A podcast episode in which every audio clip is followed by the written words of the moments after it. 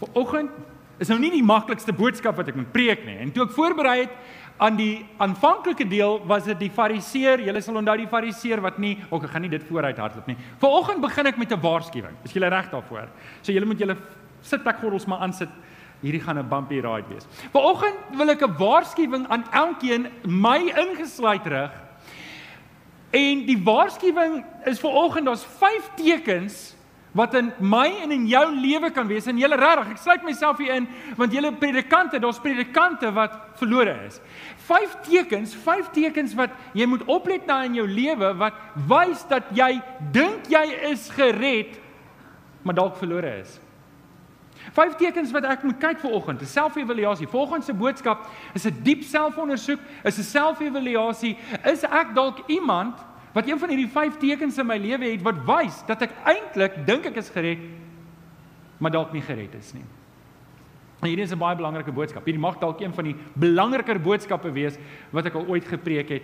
En ehm um, en daarom wil ek hê ons moet mooi oplet want vir oggend se se 5.3 vyf tekens is belangrik en ek moet mooi kyk daar. Sien, ons in ons Afrikaanse kultuur en ek praat van die Afrikaanse kultuur want meeste van ons is Afrikaans. Wie's Engels nou weer? Ek wil net sien wie's Engels ken of jy's Engels so jy jy's veilig vir oggend. Ek wil net sien wie's nog.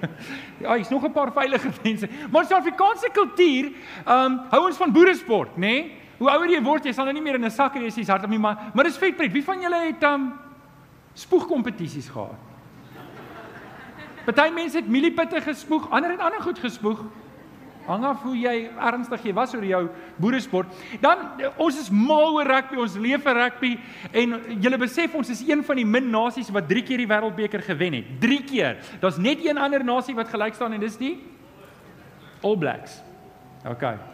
OK. So ons is lief vir rugby, ons is lief vir koeksusters. Ons is lief vir koeksusters en melktert, maar kon nie 'n mooi foto kry van 'n melktert nie. Ons is ons is lief vir die goed. Hierdie goed is binne in ons kultuur. En nog 'n ding wat binne in ons kultuur was waarmee ons groot geword het. Ons het definitief groot geword met die kerk. Wie van julle het groot geword in 'n huis waar jy sonnaandoggend kerk toe gegaan het? Wie van julle het in so 'n huis groot geword? Nee, ek het in so 'n huis groot geword. Sonnaandoggende gaan jy kerk toe. Dis die regte ding om te doen. Nou die kultuur eh, wat hierdie goed betref het so 'n bietjie afgetyper. Um, maar dit sit nog half en half in ons DNA dat baie Afrikaners gaan nog steeds kerk toe, maar nou is dit net met troues, doops en begrafnisse. Is dit so? En um, maar dis nou nie julle nie want hier sit ons ver oggend.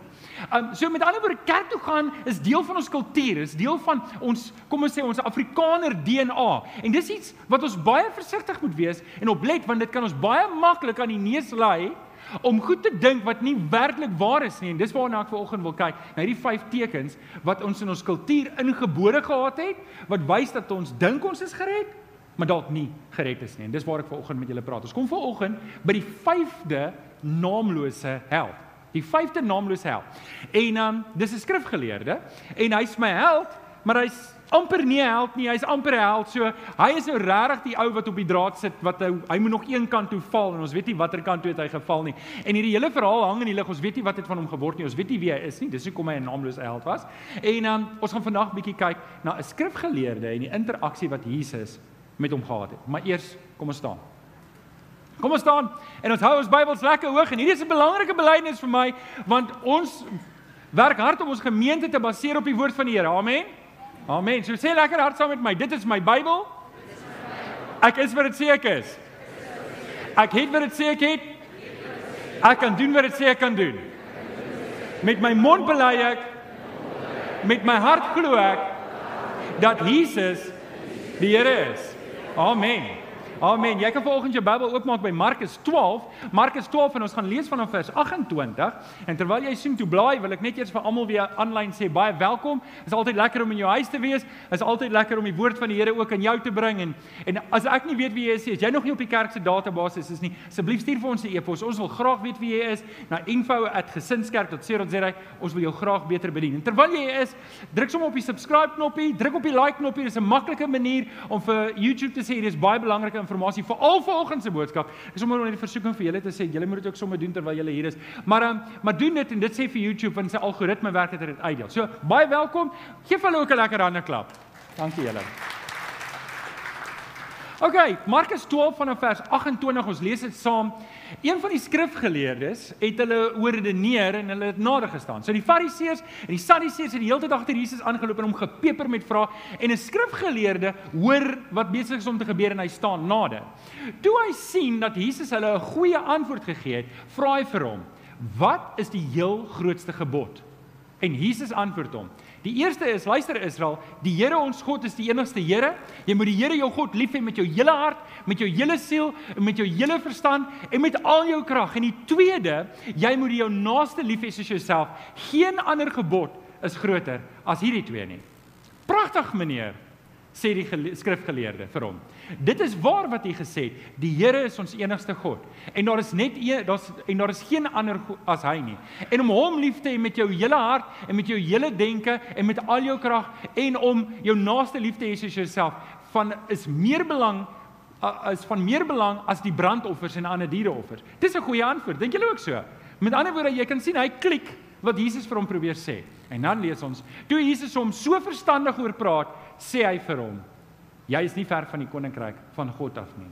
Niemand het toe meer gewaag om hom verder vrae te stel nie. Nou oké, okay, hier is die storie wat ons vanoggend na kyk. Natuurlik as jy hom lees in Matteus, Mat, Matteus, Matteus, dan dan gaan jy sien Matteus onthou die gebeure effens anders as Markus. Nou, net dat julle weet, Markus is die eerste evangelie wat geskryf is. Matteus is later, Johannes is later en Lukas was later, maar Markus was die eerste ene. En Markus onthou iets van hierdie man. Nou Markus was nie 'n disipel van Jesus nie, maar hy was 'n volgeling van Jesus. Hy het Jesus oral gevolg. Hy was jonk. Hy was omtrent 16 toe Jesus op aarde was en geleer het. Nou wie 16? Ek wil sien wie 16? Sê ek hoop jy ander wie 16, 16, 17. Daar's 'n 16-jarige daar agter. Daar's twee 16-jariges. So hulle was omtrent daai ouderdom. En so Markus onthou dat hierdie skrifgeleerde het iets anders in sy hart gehad, iets anders in sy oë gehad. Hy het gekom met 'n ander agenda. Die ander skrifgeleerdes en fariseërs en sadduseërs, hulle het gekom om Jesus te probeer uitvang die hele tyd, maar maar nie hierdie ou nie. Hierdie ou kom en hy hy probeer regtig by die Here hoor wat is die waarheid. So, kom ek gaan net gou eers terug. Een tree terug. Wie was die drie groepe mense? Wel, die eerste groep mense was die fariseërs. Miskien moet ek eers sê wie was die sadduseërs voor ek sê wie is die fariseërs. Die sadduseërs was jou aristokrate. Hulle was jou ryk mense en hulle wou gehad het die tem, die tempeldiens, die levitiese diens moes staande bly. En hulle het baie die ding ondersteun dat die leviete, die 12de stam, maar nou moet julle onthou, teen die tyd wat hierdie goed geskryf is wat Jesus op aarde was, was die volke so onderkruis en verdien. Daar was nie meer leviete wat apart geleef het nie. Daar was maar min wat jy kon uitken. En die aristokrate wou teruggekeer het na daai meer konservatiewe waardes toe. Die fariseërs, hulle het weer probeer om die om die om die tempeldienste en die wette en alles uit die leviete se hand uit te vat en 'n meer moderne, liberale manier van doen. Nou hulle was baie wetties, maar in hulle tyd was hulle verskriklik progressief. Hulle was verskriklik modern en daarom het hulle nuwe wette gemaak. Hulle het gesê, "Maar die wet sê dit, maar as jy dit en dit en dit doen, dan kan jy dan kan jy hierdie wet so half en half op hierdie manier doen." So byvoorbeeld, 'n Sabbatsreis was omtrent 'n uh, ag ek weet nie, was 7 of 8 km wat jy mag gestap het op 'n dag op 'n Sabbat. Jy mag nie meer gestap het nie. Behalwe die wet gesê as jy op water is. As jy op water is soos 'n boot, jy kan nie net net 7 km seil nie, want dan is jy in die middel van waar jy ook al is. So, as jy op water is, kon jy geseil het tot aan die ander kant. En dan het hulle goeters gesê, so as jy op jou donkie klim en jy klim op 'n sak water, dan kan jy so ver reis soos wat jy wil klomp skelms as jy my vra.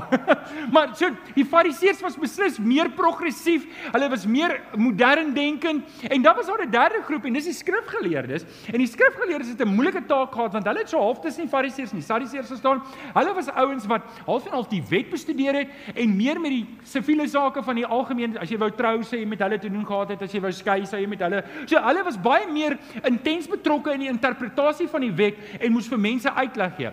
Uh amper soos 'n prokureur prokureurs vandag, as jy dit so wil sien. 'n Prokureurs interpreteer die wet. Hulle het net die wet van die Here geïnterpreteer. So, okay, so verstaan julle almal wie hierdie ou was? Hy was 'n skrifgeleerde. En ehm um, hy was 'n eerlike skrifgeleerde. Hy was 'n skrifgeleerde wat regtig na Jesus toe gekom het en vir die Here gevra het: "Here, nie om hom vas te trek nie, nie om hom uit te vang nie, maar Here, help vir ons tussen die Sadduseërs en die Fariseërs om te verstaan wat die waarheid is.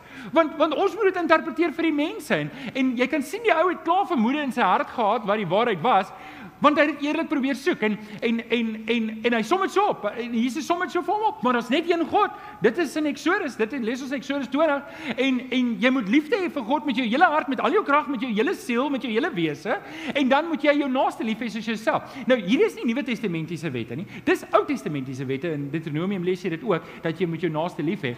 En en die skrifgeleerde klik en snap dadelik wat Jesus sê. Hy het hierdie verskriklike aha oomblik om te sê ek is altyd reg. My vermoede is reg en dis die ding as jy God soek, as jy God eerlik soek in jou lewe, eh, dan dan gaan jy op hierdie pad langs kom. Jy gaan op hierdie pad langs kom wat jy tot hierdie konklusie kom, daar is net een God.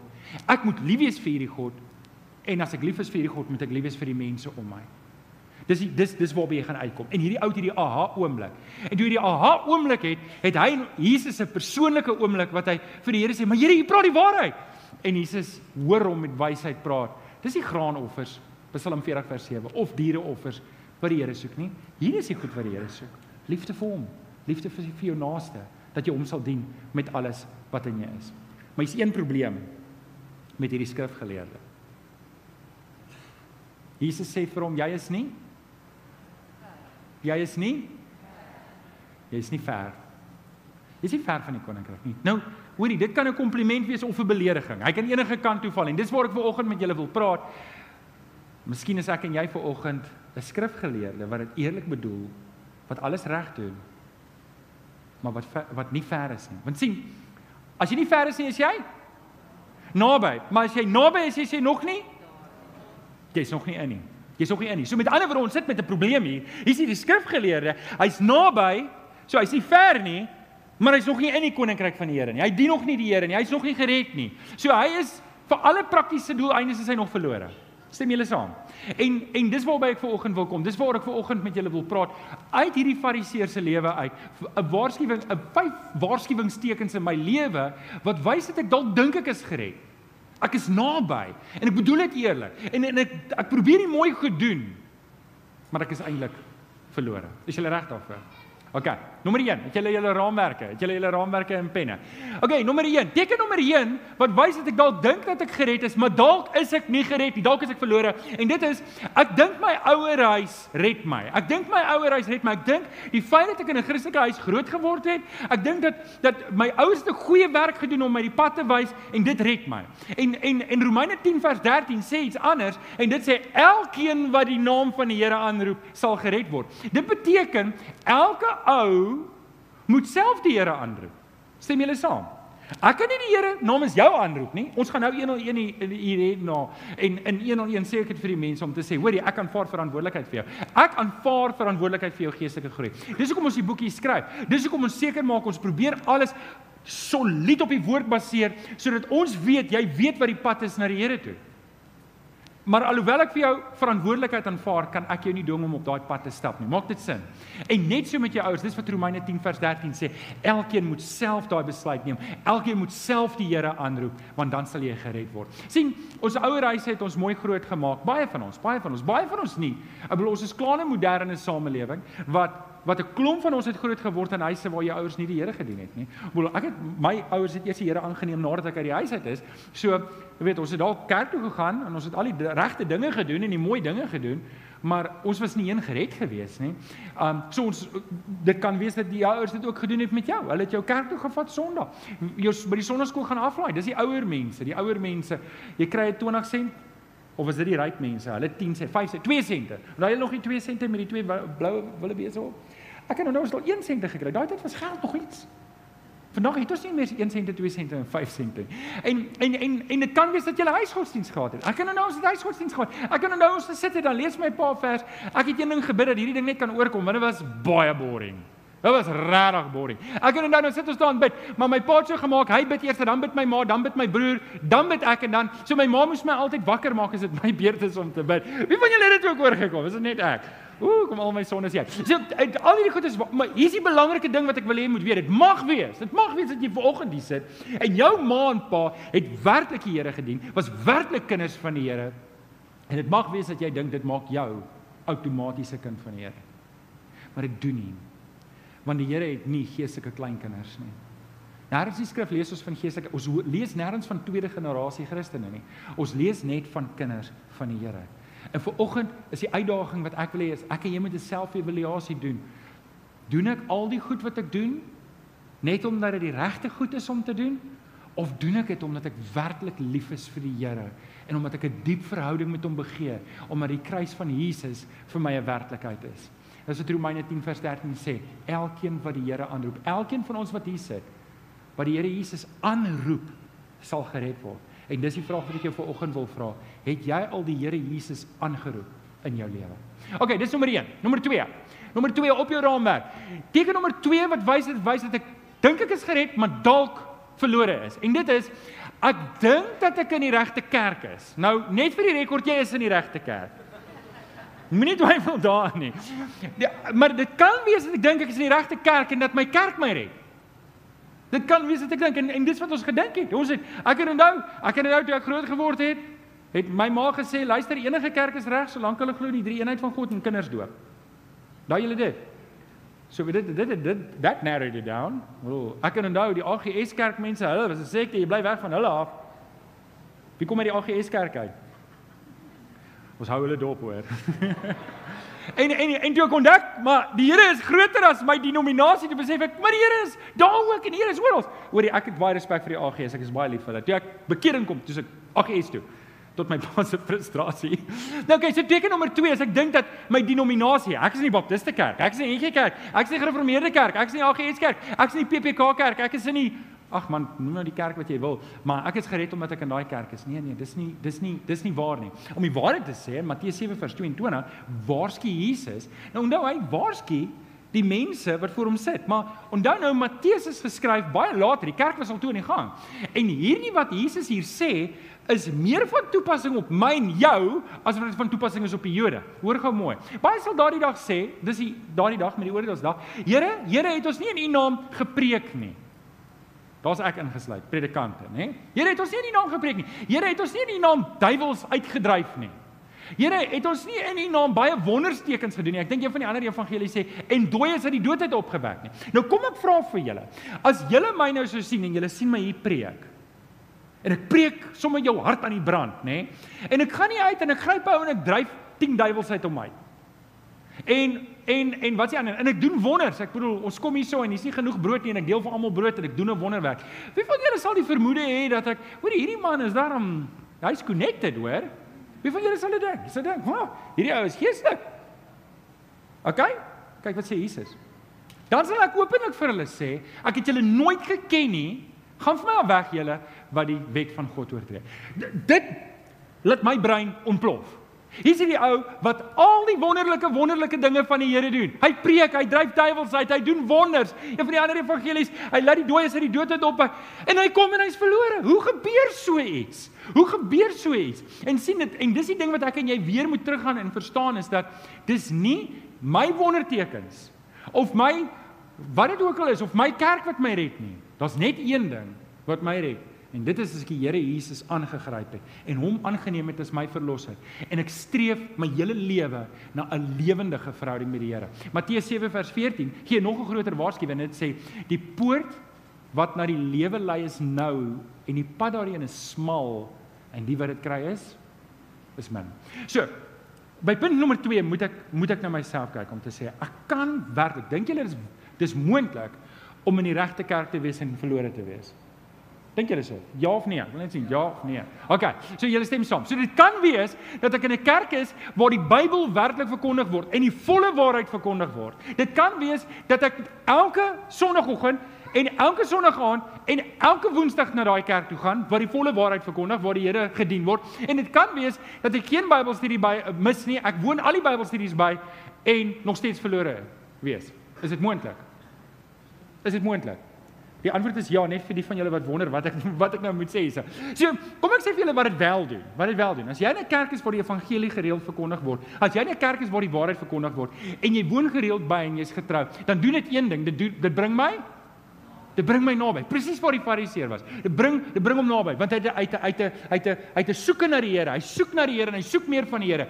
Maar hy het nog nie daai oorgawe gemaak nie. En vanoggend kan dit wees dat jy hier sit en en en jy hou van die waarheid. Jy's lief daarvoor om die waarheid te hoor en jy's lief daarvoor om hier te sit en saam die Here te loof en te prys, maar jy het nog nie daai finale oorgawe gemaak en Jesus Christus aangeneem as jou verlosser nie.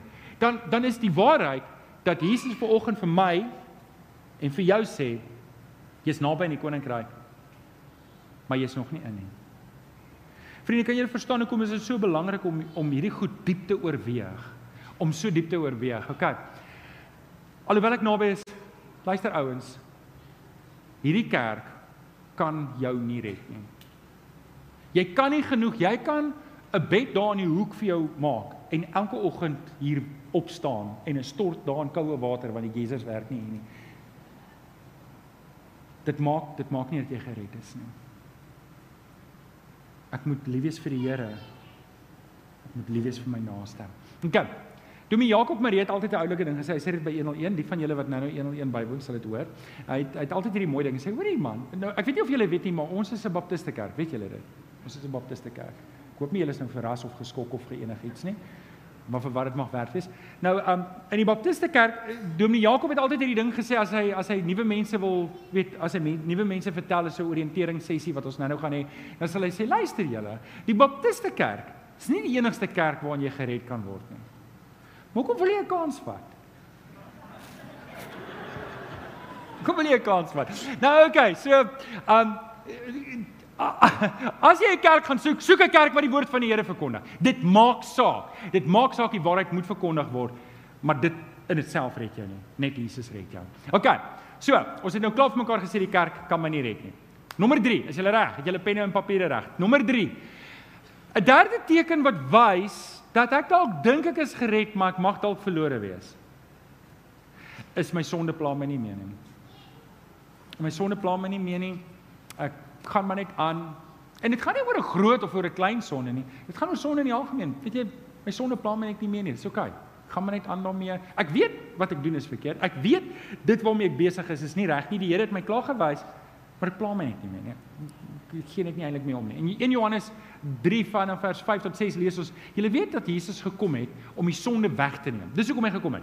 Jesus het aan die kruis gesterf vir my en jou sonde sodat ons oorwinning kan kry oor sonde. Maak dit sin? Sodat ons nie meer in die stryk onder die wet van sonde kan leef nie, maar dat ons kan vrykom, gered kan wees en voluit vir die Here kan lewe. Die Here het juis gekom om ons los te maak van die juk van sonde. En dan sê en daar is geen sonde in hom nie in Jesus nie vers 6.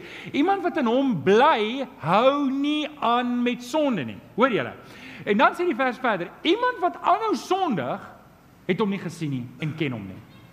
Nou daar's 'n paar afleidings en gevolgtrekkings wat ons kan maak van hierdie um van hierdie vers. En en die een belangrike ding wat ek wil hê jy moet verstaan is sonde maak my dood. Sonde maak my dood. Johannes 10 vers 10 sê dit die mooiste. Dit sê 'n dief kom net om te steel en te en te OK, te slag en uit te roei. Maar ek het gekom sodat jy die lewe kan hê en dit in oorvloed. So hier is hier is baie maklike ding wat ek moet kyk na my lewe. Ek moet kyk na my lewe. Wat is ek besig om te oes? Is ek besig om die lewe te oes of is ek besig om dood te oes? Is ek besig om die lewe in die oorvloed wat die Here vir my bestem het te oes of is ek besig om alles wat stikkend is en alles wat lelik is te oes? En en weet julle wat? Dit beteken nie as nou goed, my wiel is nou pap, o, ek het seker sonde gedoen nie. Dis nie waar of nou iets verkeerd geloop. Ek is nou siek, nou is ek vol sonde. Nee nee, dit is dis nie waar dit gaan nie. Nou Paulus was ook siek, Paulus was ook op 'n boot wat gesink het. Dit gaan oor my hart en die dinge wat ek doen. Aan wie behoort my hart? Behoort my hart aan die Here? Of behoort nie aan die Here nie? Om te volhard in sonde. En hier is dalk as jy 'n kantlyn nota het om te maak iewers, maak dit. Om te volhard in sonde maak nie dat ek ongered is nie. Kan ek dit herhaal? Om te volhard in sonde maak nie dat ek ongered is nie. Om te volhard in sonde wys dat ek ongered is. Iemand wat volhard in sy sonde wys dat hy nie die Here ken nie. Dis wat Johannes sê. Johannes 1 Johannes 3 sê dit. Iemand wat aanhou met sonde wys daarmee dat hy Jesus nie ken nie. Hy wys daarmee met sy lewe dat hy nie gered is nie. En en dis hoekom dit belangrik is vir my en vir jou om hierdie ding diep te oorweeg. Dis hoekom dit die derde teken is om te kyk na my lewe want is dit nie so nie? Vroeger het ons 'n klomp vrouens hier gehad met 'n klomp maskers aan. Onthou julle dit? En dis een van die maskers wat ons dra. Hier lyk alles reg. Ons gaan nou net daaroor praat. Maar wat gaan in my hart aan? Wat gaan my hart aan? Romeine 6:2. Hoe kan ons wat dood is vir die sonde nog daarin voortleef? Wat kan nie. So ek moet afreken met sonde. Ek moet verstaan dat dit wat Jesus Christus vir my in die kruis gedoen het, hy het vir my sonde gesterf aan die kruis. Sê gou saam met my, my sonde. My sonde. Sodat ek oorwinning kan kry. Ek moet in daai oorwinning leef. Ek kan nie aanhou in my sondige leefstyl nie. Wonderlik. Almal van ons is stikken. Almal van ons maak foute, maar ek kan nie aanhou foute maak nie. Ek kan nie aanhou sê, maar die Here se genade is groot genoeg en nou gee ek nie meer om oor my leefstyl nie. Nee, ek moet opstaan. Ek moet my hakke inskop en sê, Here, om vir U te lewe, vra 'n heilige lewe. Ek kan nie my ou lewe leef nie. 1 Korintiërs 10 vers 12 sê, um wie meen dat hy staan, moet pas op dat hy nie val nie. En en en en miskien kan ek 'n kantlyn nota hier ook sê, is dit nie so dat ek 'n ander ou se sonde swaarder oordeel as my eie sonde nie? Is dit nie so nie? Ek kan met mense wat se sonde dieselfde lyk as myne, kan ek baie vereenselwig. Ek het baie simpatie met hulle. En hier is die belangrike ding. Ek moet swaarder wees op my sonde as op ander se sonde. Vind julle dit nie ook moeilik nie? Dis maklik vir my om te sê, hoor julle, julle sonde is maar verskriklik. Julle, wie van julle doen nog sonde? Ek wil net sien. Kyk gou, steek op die hande. Ja, julle weet wat kom nou. Julle weet, die van julle wat nie julle hande opgesteek het nie, is julle sondeloos. Ja, sies vir julle. Hier hier was nou twee groepe, die leenaars en die sondaars.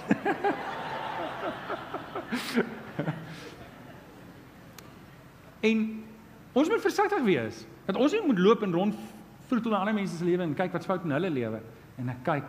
Dis wat Jesus sê. Hoe hoe probeer ek die splinter uit my broer se oog uithaal? Dis baie ek het baie te sê oor sy lewe, maar intussen loop ek met 'n balk in my oog rond nie. En dit dit is die vrug van bekering is wanneer ek soos Jesus wil lewe in my lewe. OK, dit was nommer 3.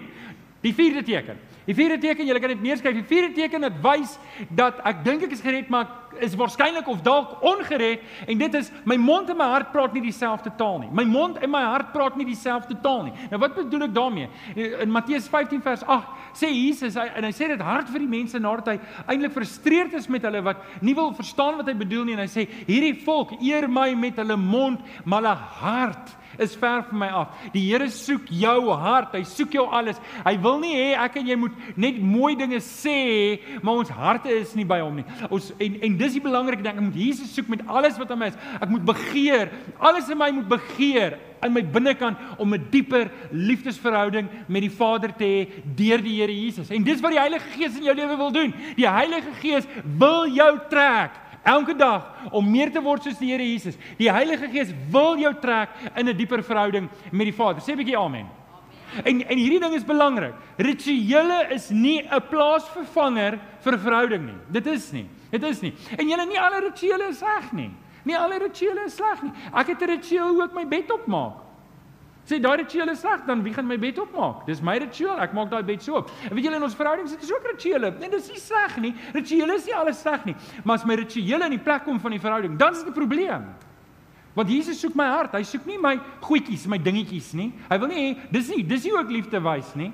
Liefde is iets wat in my hart is en dis wat die Here Jesus van my en jou soek. Nou kom onthou net die probleem. Onthou net die probleem wat ons gehad het met die Fariseërs en die Sadduseërs en die skrifgeleerdes. Vir hulle het dit meer gegaan oor die goedjies rondom die Here as wat dit gegaan het oor die Here. Vir hulle het dit gegaan om die Here te probeer beïndruk en om mense te probeer beïndruk met wat hulle doen, maar hulle harte was ver van die Here. En die vraag wat ek en jy vanoggend vir onsself moet vra, wat ek myself moet vra is: Waar is my hart? Behoort my hart vierkantig en ten volle aan die Here. Kan ek ja antwoord daarop? Kan ek ja dit antwoord en sê Here, U weet. Partykeer is ek 'n sukkelaar, maar U weet ek sukkel saam met U een rigting vorentoe. My hart en my mond moet dieselfde taal praat. Dit wat in my hart is, is dit wat by my mond moet uitkom. Anderste is ek 'n fariseer. Anderste is ek skynheilig en en en daar's dis die gesegde fake it till you make it nie by die Here nie. By die Here kan ek liewer 'n rou sondaar wees maar op my knieë en trane voor die kruis as wat ek hier kom sit en ek gee voor en ek staan hier en ek preek en ek doen wonders en ek beïndruk almal maar my hart behoort nie aan die Here nie. OK. Nommer laaste, nommer 5. Nommer 5. Die vyfde teken wat wys dat ek dink ek is gered, maar dalk nie gered is nie, is ek praat saam met die wat die hardste praat. Ek praat saam met die wat die hardste praat. Wat bedoel ek daarmee? Wel, Nikodemus is 'n goeie voorbeeld in Romeine 3, ag in Romeine Johannes 3 vanaf vers 1 tot 7, 8. Jy kan die hele Johannes 3 lees, maar ek haal net vers 2 aan. Rabbi, sê Nikodemus vir Jesus, ons weet dat hy 'n leermeester is wat van God af gekom het. Nou ons lees net in vers 1, um, Nikodemus het in die nag na Jesus toe gekom en ons het dit al mekaar gesê, hoekom kom hy in die nag? Want hy wil nie hê sy vriende moet sien hy gaan na Jesus toe nie. Hy wil nie hê hulle moet dit sien nie. En dan bely hy, hy sê Here, ons, wie's ons? Hy's 'n Fariseer. Nikodemus was 'n Fariseer. Hy sê: "Here, wanneer die Fariseërs bymekaar kom, dan bely ons teenoor mekaar dat u werklik is wie u sê is." Maar Nikodemus, hoekom kom jy dan in die aand? Hoekom kom jy in die aand? Want want sien Nikodemus wil daarom weet, ons het altyd op skool gesê, jy kan nie met jou een voet in die disko en een voet in die kerk leef nie. Onthou julle dit? Of is dit nou ek ek besef ek is altyd so tussen die ouer en die jonger generasie. Mense ken nie meer 'n disco vandag nie. 'n Disco, dit was die bad plek hoor. Daar was ligte wat flikker. En allerhande snaakse goed. Jy gaan nie daar nie. OK? En en en en maar dis presies waar hierdie vers gaan. Jesus sê vir Nikodemus, as te ware, jy kan nie een voet in die disco en een voet by die kerk wees nie. Jy kan nie, jy kan nie my hier dien en as jy by die fariseërs is dan dan dien jy daai stelsel nie. Jy moet 'n keuse maak. Om die waarheid te sê, Jesus sê eintlik vir hom verder in soveel woorde, jy's nie gereed vir die koninkryk nie. Jy jy kan nie inkom nie. Ehm um, jy jy jy's jy's nie geskik nie. Johannes 3 vers 5 sê dit. So so kan jy nie in die koninkryk van die Here inkom nie. Jy jy moet weer gebore word. Jy jy moet die hele metamorfose ondergaan. Alles wat jy ken en dink en doen, moet heeltemal verander want jy het 'n groot probleem. Jy praat saam met die wat die hardste praat. Jy praat die taal van die mense saam met wie jy is. En hier is 'n groot ding en ek dink hierdie is dalk die grootste ding is ek kan kyk na my eie taal. Ek kan kyk saam met my eie taal. En, en en ons het ons het te doen met 'n probleem van die verkleermannetjie Christene generasie. Ons is verkleermannetjies. Want ons is kultureel so sensitief dat ons mekaar aanvaar. So jy kan maar wees wie jy wil, jy's welkom hier en ek wil jy is welkom hier weet ons moenie praat aan mekaar nie. Weet ons het 'n bioskoop, ons het 'n bioskoopkerk geword. Jy kom kyk die fliek en jy gaan huis toe. As jy van gehou het, jy kan weer kom. Volgende week koop weer 'n kaartjie kom, gooi 'n grant in die kollekte en dan weet ons is bly jy hier is. Ons gaan altyd vir jou lekker koffie gee. Dit's lekker om jou hier te hê. Staan vir die ou langs en sê jy's nice. En en maar wat jy môre doen is jou saak en niks met my te doen. Wat jy môre doen met die om die waarheid te sê wat jy by die braaivleis vier gaan bespreek. Nou het ek myself vooruit gehardloop. Wat jy Vrydag by die braaivleisvuur gaan bespreek het niks met my te doen nie, hoor? Moenie jou probleem my probleem maak nie, dis jou probleem. OK, en dit kan nie so wees nie. En dis die vraag wat ons moet vra. As jou taal en jou grappies en die manier hoe jy dink en die manier hoe jy optree op 'n Vrydag aand om die braaivleisvuur verskil van wat jy op 'n Sondagoggend hier doen, mag dit wees dat jy dalk dink jy is gered, maar dalk nie gered is nie.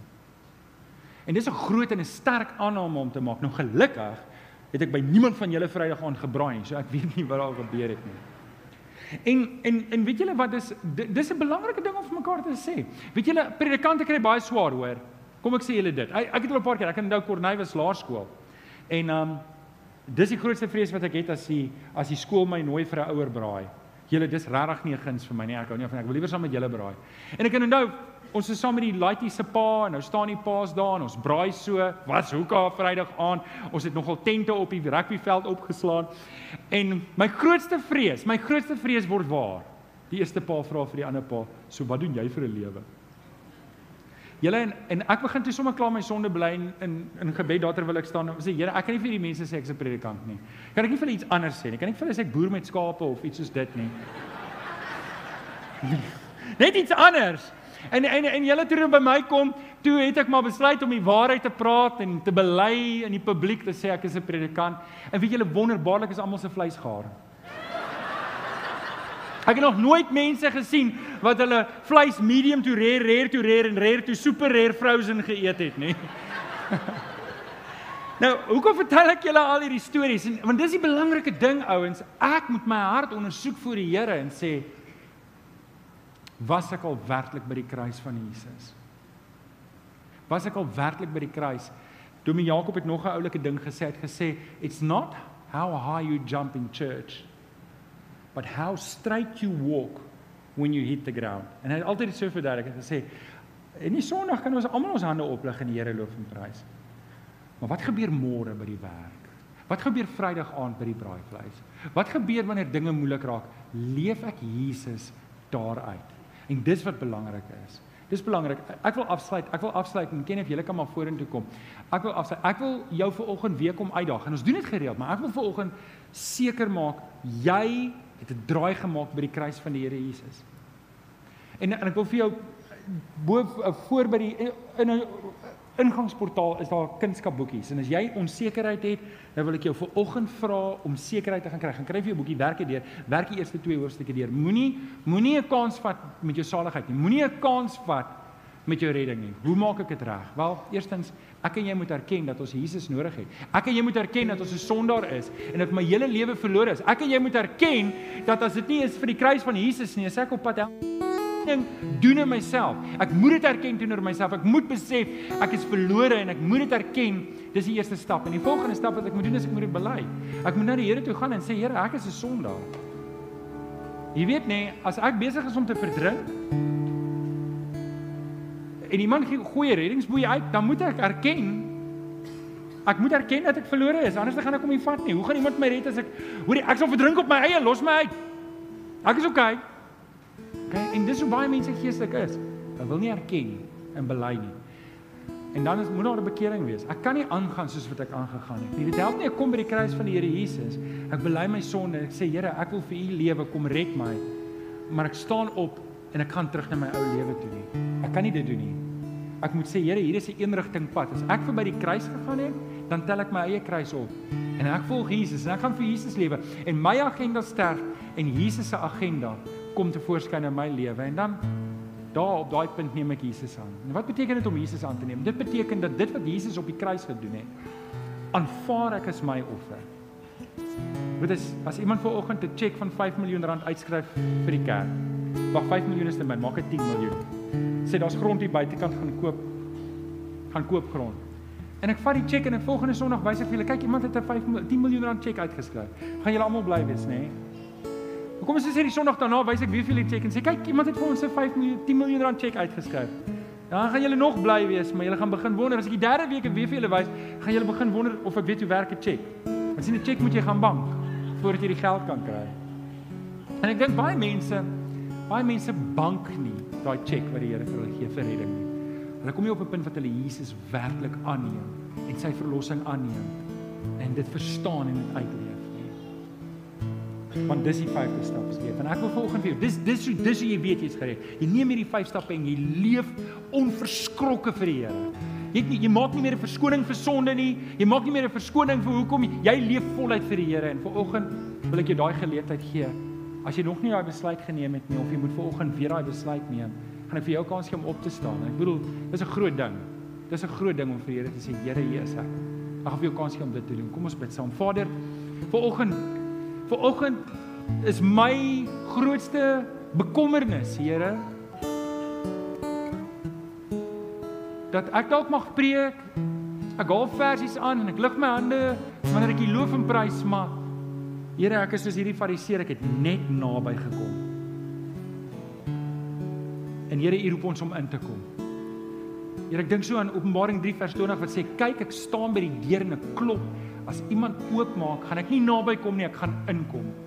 En Here, U weet wie van ons het nodig dat U vanoggend moet inkom. Soos die gemeente in Laodicea was dit dalk 'n tweede keer, maar vanoggend dalk 'n eerste keer. Here, kom werk hier die Heilige Gees in elkeen van ons harte dat niemand van ons hier sal uitstap en sal dink hy's gered, maar hy's dalk nie gered nie. Terwyl ons in gebed is, wil ek vir jou ook 'n geleentheid gee want dalk het jy nodig vanoggend om op te staan en te sê Here, Ek besef ek is naby, maar ek is nie in nie. En jy sê Johan, ek wil hê jy moet vanoggend vir my bid. As jy wil opstaan daar waar jy is en sê ek, Here help my, ek wil nie naby wees. Jy staan nou op waar jy is. En sê Here, ek wil in wees. Here, jy klop op my deur en ek maak hierdie deur vanoggend oop.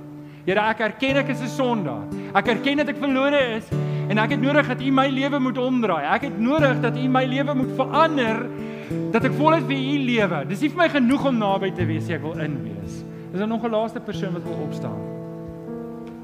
Kom ek by vir julle. Here, U sien elkeen van ons wat staan, Here. U sien elkeen van ons wat ver oggend hier is wat sê, ek wil nie net naby wees nie, ek wil in wees. Ek wil in wees, Here.